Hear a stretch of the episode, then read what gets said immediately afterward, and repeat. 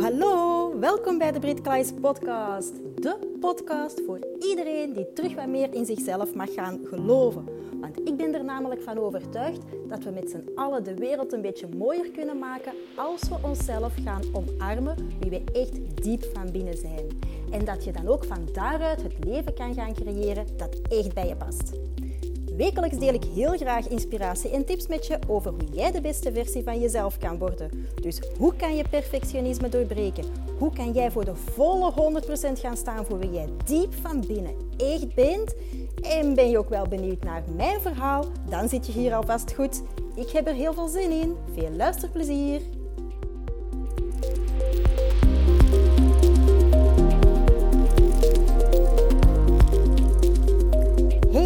Welkom bij een nieuwe aflevering van de Brit Klaes podcast. En het is kei mooi weer vandaag, dus ik hoop dat het ook zo mooi weer is wanneer jullie dit luisteren. Maar wanneer ik dit opneem, dan is het pas maandag. En het is echt heel zonnig weer. We hebben ook een aantal hele mooie, zonnige, warme dagen achter de rug. Eh, super fijn. En gisteren op Pasen zelf, op zondag, uh, hadden mijn vriend en ik uh, besloten om een toertje te gaan doen met zijn uh, Vespa. Hij heeft vorig jaar, uh, of een klein jaar geleden, een oldtimer Vespa gekocht. Hij heeft er dan nog wat aan gesleuteld, want er was nog wel wat werk aan. En een aantal ritjes zelf gedaan. Maar ja, dan is het winter en dan is het niet zo fijn om daarmee rond te gaan rijden. Maar ja, gisteren was het dan zover. Mooi weer. En uh, wij weg met z'n tweetjes op de Vespa.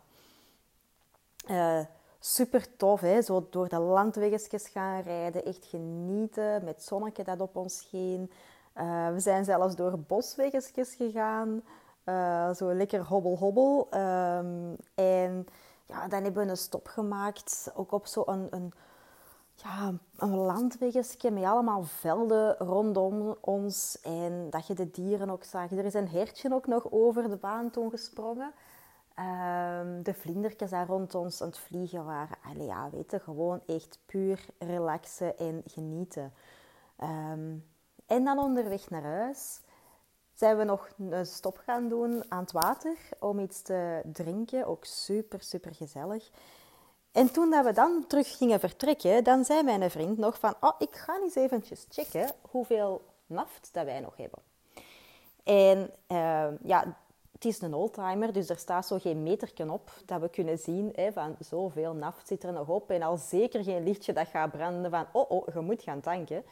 Um, dus dat is echt het zadel omhoog doen uh, en eens een keer gaan kijken hoeveel naft zit daar nog in, in de mate dat je dat dus kunt zien. Hè. Je kunt er dan eens mee bewegen, dat je dan dat kletsen zo wat hoort hè, van, uh, van de naft dat in de nafbak nog zit.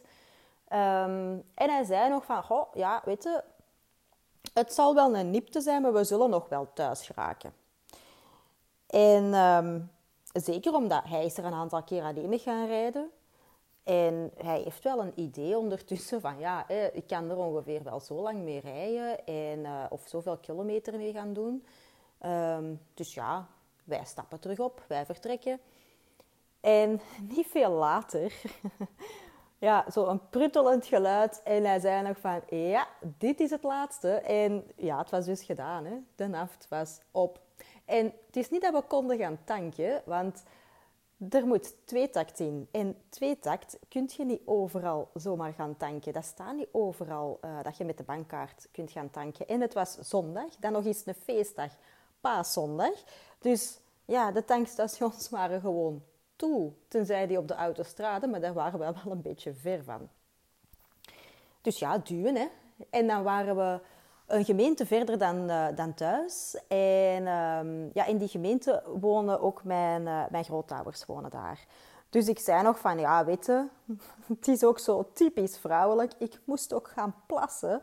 Uh, ik zei ook, zeg, oh, we stoppen ook gewoon bij ons oma en onze bomba. En dan kan ik al naar het toilet gaan. En, um, en, en, en wie weet ik dacht het niet, maar allez, je weet het nooit. Wie weet heeft onze bompa nog wel twee takt of heeft hem olie.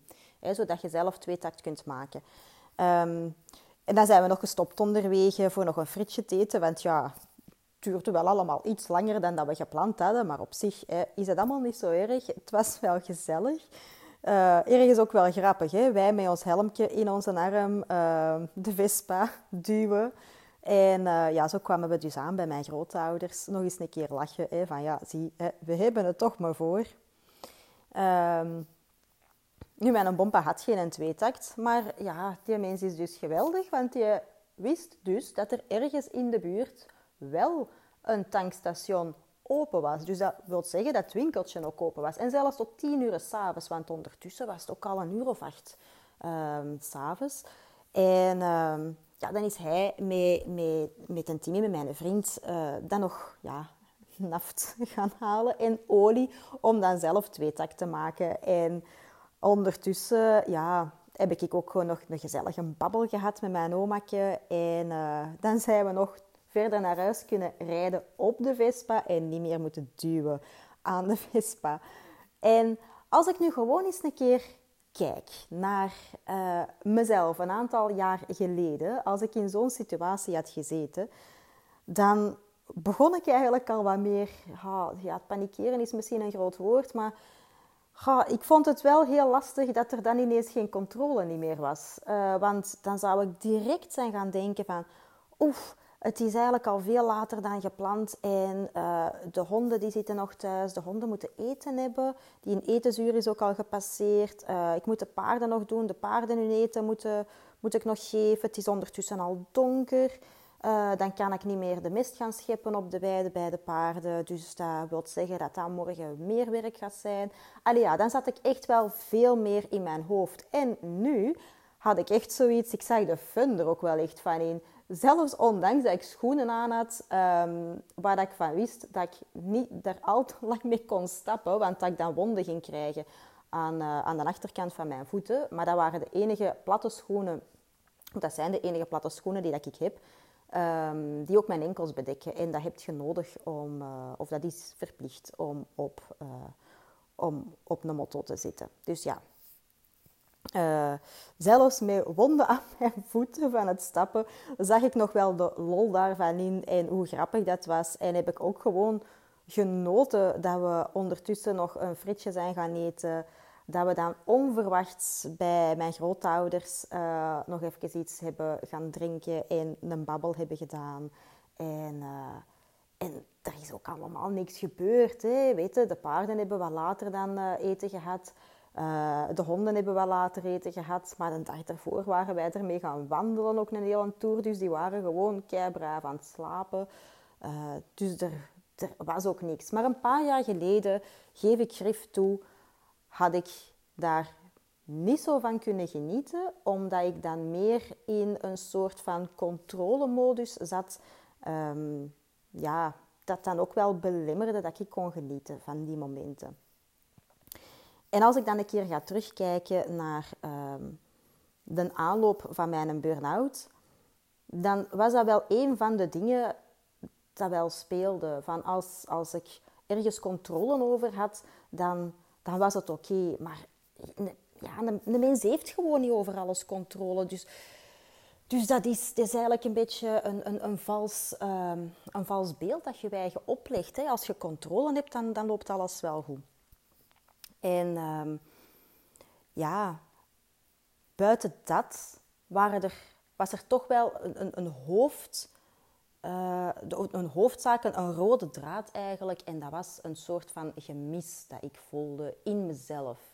En um, zelfs als klein kind had ik wel zoiets van: ik ben anders dan de rest, of ik voel mij anders dan de meesten rond mij.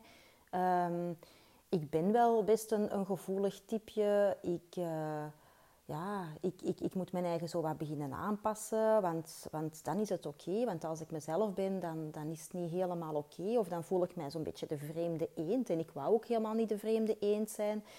En ja, dat heeft zich dan eigenlijk een beetje door allee, blijven ontwikkelen. Hè, later ook in mijn volwassen leven. Dat dat ervoor gezorgd heeft dat er wel een soort van um, gemis in mij was. En, en, en dat gemis dat zorgde er ook wel voor dat ik uh, die controle wou behouden.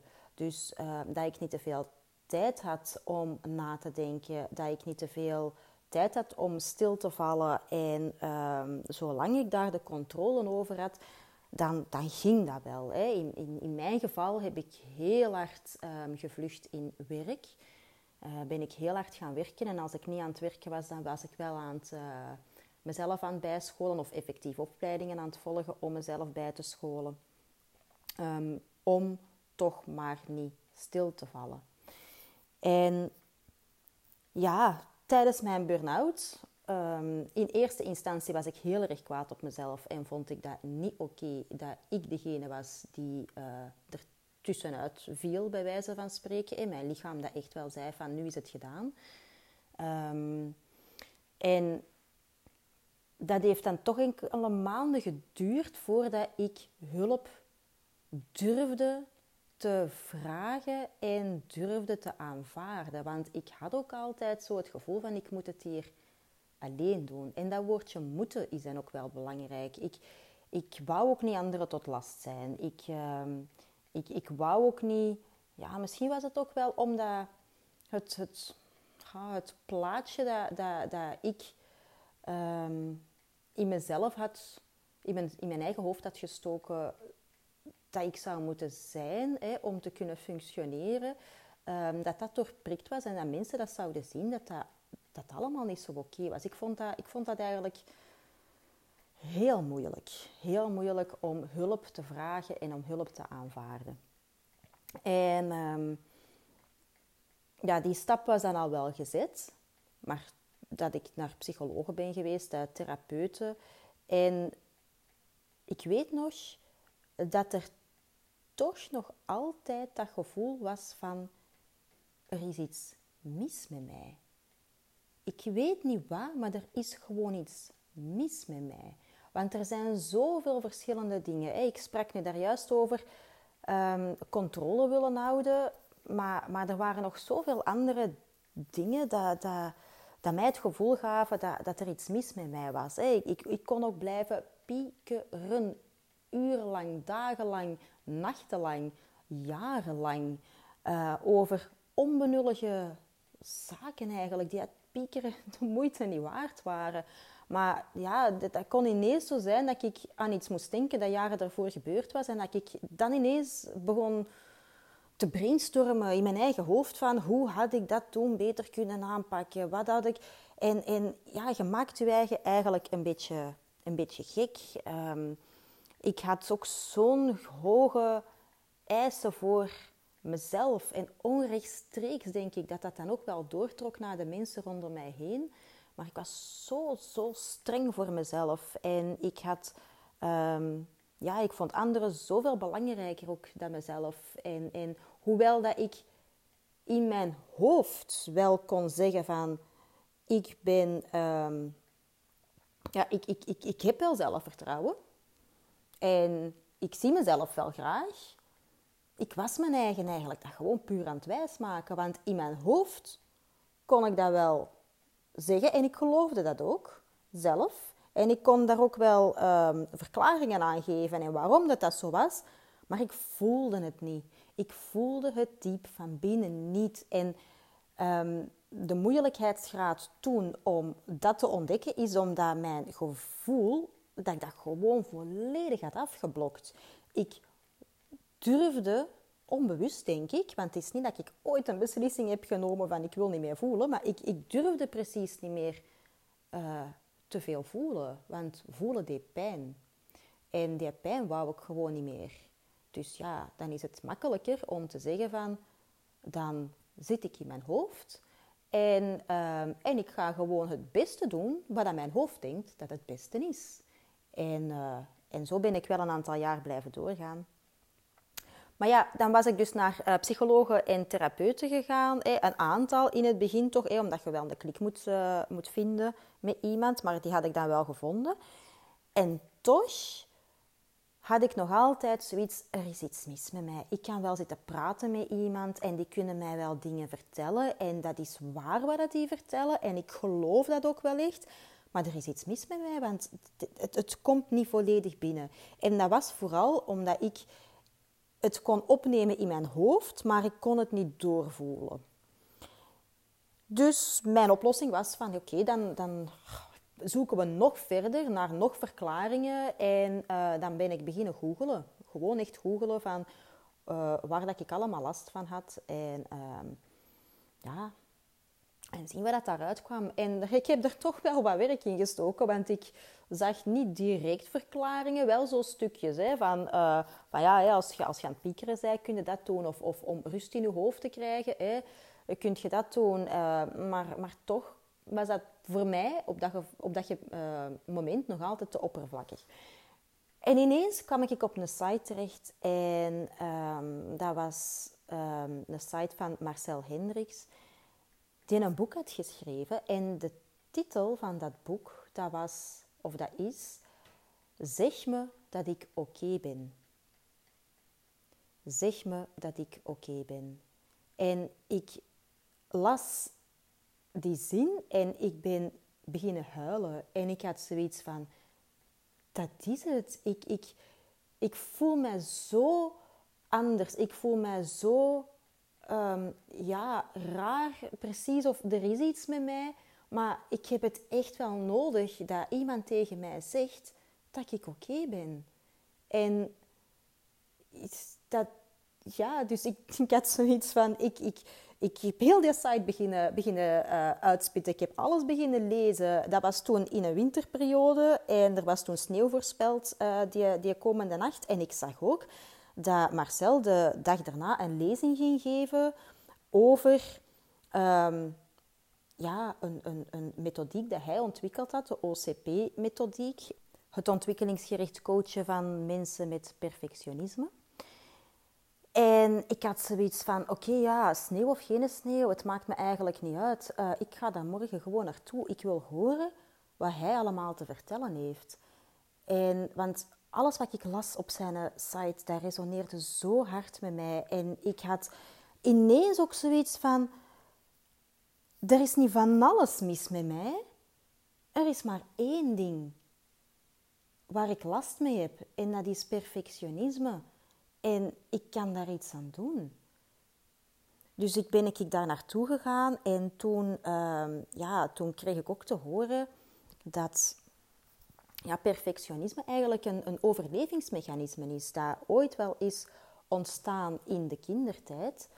Um, omdat je zelf het gevoel niet hebt dat je oké bent zoals je gewoon bent. Zonder dat je iets moet doen. Gewoon puur zoals dat je bent.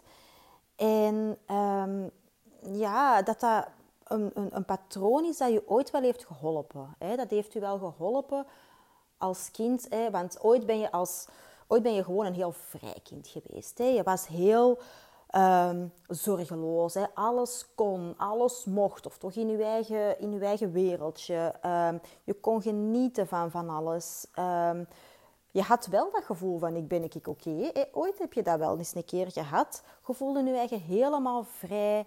En je had allemaal heel veel zelfvertrouwen. En uh, je kon genieten in de moment waar dat je in zat. En je waart niet zo aan het denken. Dus je waart echt een heel vrij kind. Maar ooit is dat vrij kind het soort van ja, brave kind geworden. Of het verstandige kind geworden omdat we nu eenmaal in een wereld leven waarbij dat de wereld niet alleen rond u draait, maar dat er ook nog mensen rondom u heen zijn.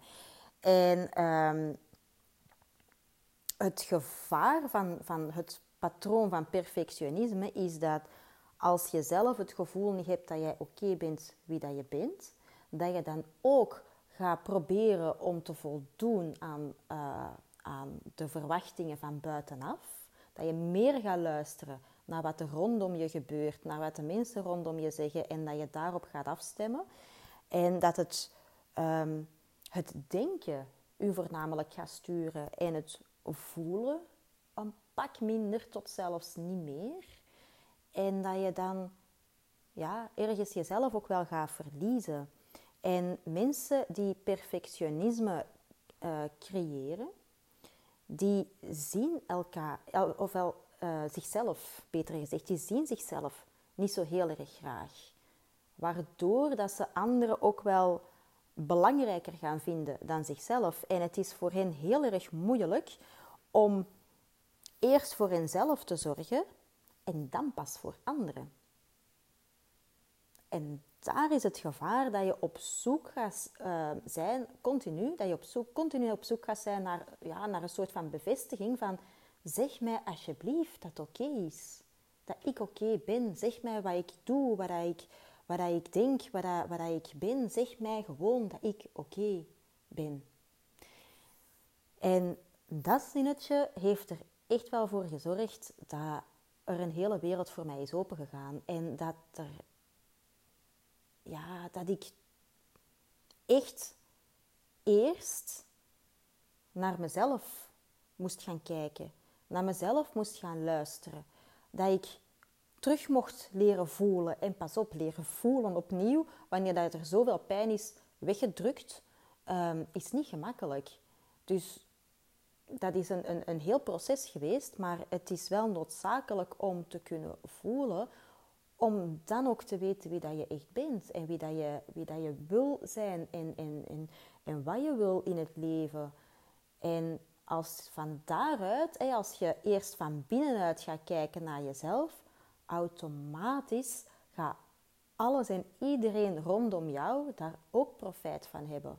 Maar als je gaat kijken naar Jan en Alleman rondom jou en je gaat uh, jezelf daarop afstemmen, maar je vergeet wel jezelf, dan begint er zoveel te wringen binnenin, binnenin jezelf, dat je uiteindelijk zelfs ook niet meer goed gaat doen voor de mensen rondom je. Dus het is eigenlijk zo'n zo'n visieuze cirkel waar dat je in zit, waar dat verbroken moet worden.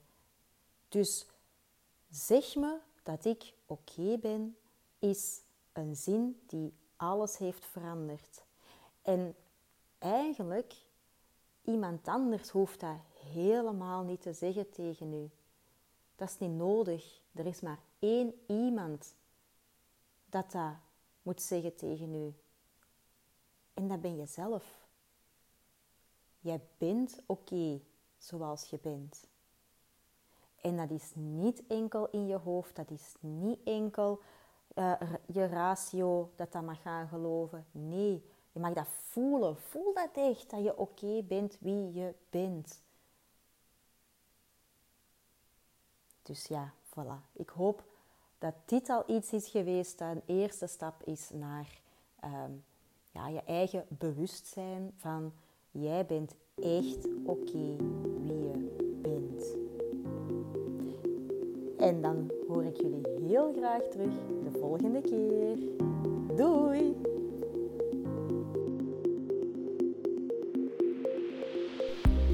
Hey lievekes, dankjewel voor het luisteren. Nu, wat kei plezant zou zijn, is dat als je deze aflevering interessant vond, om dan even een screenshot te maken en dit te delen op Instagram. En vergeet me dan ook niet te taggen, want ik vind het gewoon kei leuk om te zien wie er allemaal luistert. En heb je een vraag of heb je een inzicht gekregen of wil je me gewoon iets delen? Stuur me dan gerust een berichtje. Je vindt me onder de naam pinkability-britkleis. En wat ook wel kei plezant zou zijn, is dat als je op iTunes een korte review kan achterlaten. Want hoe meer reviews, hoe beter de podcast gevonden wordt en hoe meer mensen ik kan bereiken om ze te inspireren. Een dikke, dikke, dikke merci en tot de volgende keer.